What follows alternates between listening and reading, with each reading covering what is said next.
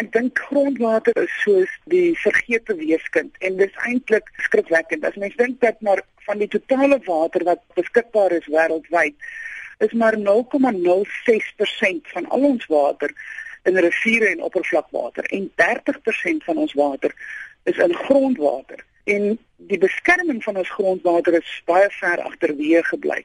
Onder Suid-Afrika se eie vorige waterwetgewing is grondwater beskou as private water. Nie dat iemand private eienaarskap gehad het nie, maar jy kon daarmee doen en gebruik net soos wat jy wil en net soveel as wat jy wil sonder om enigins gelisensieer te word sonder dat dit enigins bestuur is.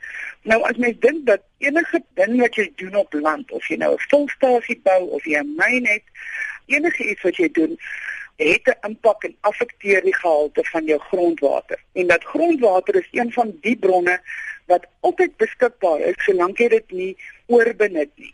Dis beskikbaar waar jy dit wil hê. As jy 'n klein gemeenskap het en hulle sink 'n boorgat, dan is die kans baie goed dat hulle vir hulle self kan voorsien van daardie boorgat. Maar as ons nou oor onttrekking doen, as ons grondwater landgebruik het soos mynbou wat acid mine drainage of suurmynwater veroorsaak en dit oorspoel of decant binne in die grondwater in, dan is daai grondwaterbron vir altyd beskadig net om vir jou 'n voorbeeld te gee, as ek 'n besoedelingsinsident in 'n rivier het, sê maar die riool loop oor. Twee weke later dan is daar nie geen meer teken van daai insident nie, want alles is uit na die see toe. Maar as ek 'n insident het wat grondwater beïnvloed, kan dit honderde, selfs duisende jare vat voordat die effek van daai insident totaal en al nie meer sigbaar is nie omdat die hernuwingstydperk van grondwater soveel langer is as oppervlakwater. Kan 'n mens hier praat van 'n sogenaamde watervoetspoor? Ek dink wat ons moet begin doen en wat ons moet begin meet is die watervoetspoor van ons aktiwiteite. Nou net om aan te haak oor die tydperk wat dit vat vir ons om 'n grondwater impakteer te werk is iets soos die suurmynwater in die Witwatersrand. Waar die mense 100 jaar gelede sekere besluite geneem het die bestuur van hulle skeepdamme nie behoorlik gedoen het nie en nou sit ons met die sondes van ons vadere en dis nou ons verantwoordelikheid want daai mynmaatskappye is lankal nie meer daar nie om dit te herstel. Die feit van die saak is daai mynmaatskappye is lankal nie meer in Suid-Afrika nie. Hulle is lankal op bankrot. Hulle aandeelhouers het van die begin af in elk geval in Engeland en in Amerika gesit. En ek sien die departement van waterwese wil nou almal van hulle krimineel vervolg, maar om iemand krimineel te vervolg wie se maatskappy in 1930 opgehou bestaan het, is feitelik onmoontlik. En mense sal regtig moet kyk na 'n ander oplossing. Iets soos om 'n tipe van 'n waarheids- en versoeningskommissie vir die sonde van die vaders oor die suurmynwater in Johannesburg om tot stand te bring waar die myne wat kom en sê hier is ons inligting, dis wat ons weet en hulle dan sê maar vry te stel van vervolging sodat ons die inligting kan kry dat ons die probleem kan bestuur. Want dis deel van die asset mine drainage suurmynwater probleem is dat ons nie genoeg inligting het om te weet waar die water oral heen gaan en waar dit gaan uitborrel en wat gaan die effekte wees nie. En dan kan mens begin om dit te bestuur. Soos ek gesê het oor die watervoetspoor. 'n Voetspoor kan nie net gemeet word in die oppervlak, die grootte van hoe die voetspoor, hoe groot die voetspoor is nie. Dit moet ook gemeet word in terme van hoe lank na jy weg is, gaan daai voetspoor nog daar bly. Karen, kom ons kyk 'n bietjie na die beskerming en bestuur van water. Is daar beste praktyke elders ter wêreld wat ons kan volg of is Afrika eenvoudig uniek? Ek dink tog van hulle tegnologie en so aan kan ons na kyk, maar ek dink mense moet baie versigtig wees veral in Suid-Afrika en Suider-Afrika.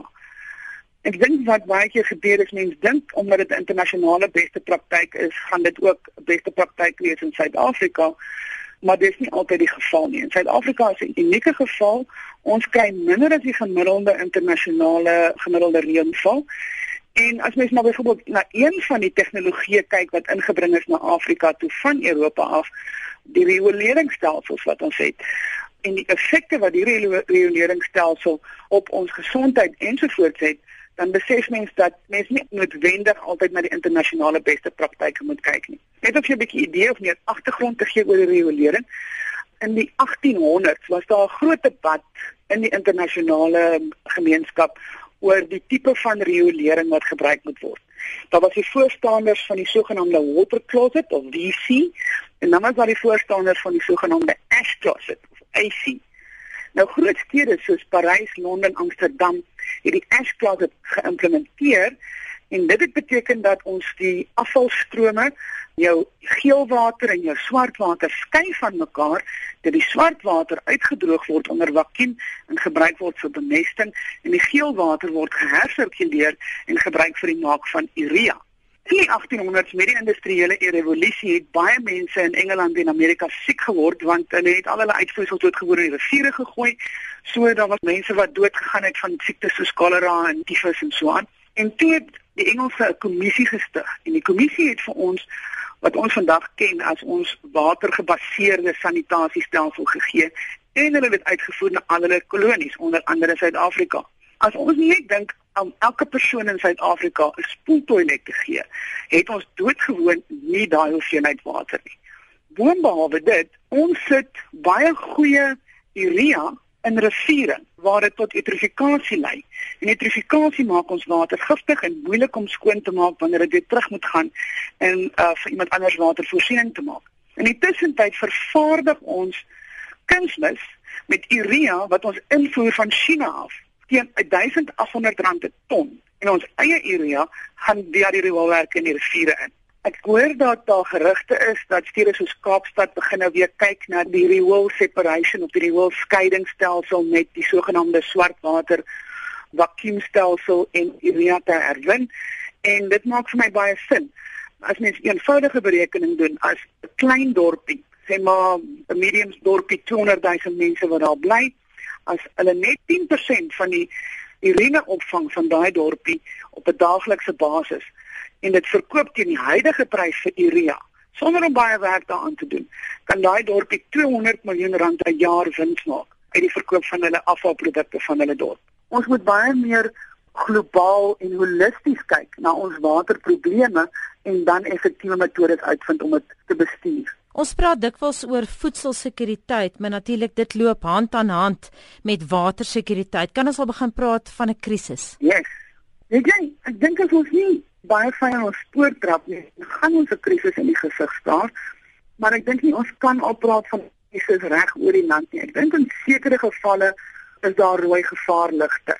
En dit is veral wanneer goeie landbougrond omgeskakel word na ander grondgebruike soos munisipaal of residensieel of mynbou of wanneer huidige water wat toegesê is vir landbougebruik omgeskakel word na water vir industriële of mynbougebruik want daardie water is krities noodsaaklik om seker te maak dat ons ons voedselsekuriteit kan bou. In sekere ander lande in Afrika en ek was die ander dag by 'n werkwinkel daaroor is daar groot probleme in selfs wat lande wat baie meer waterryk is as Suid-Afrika.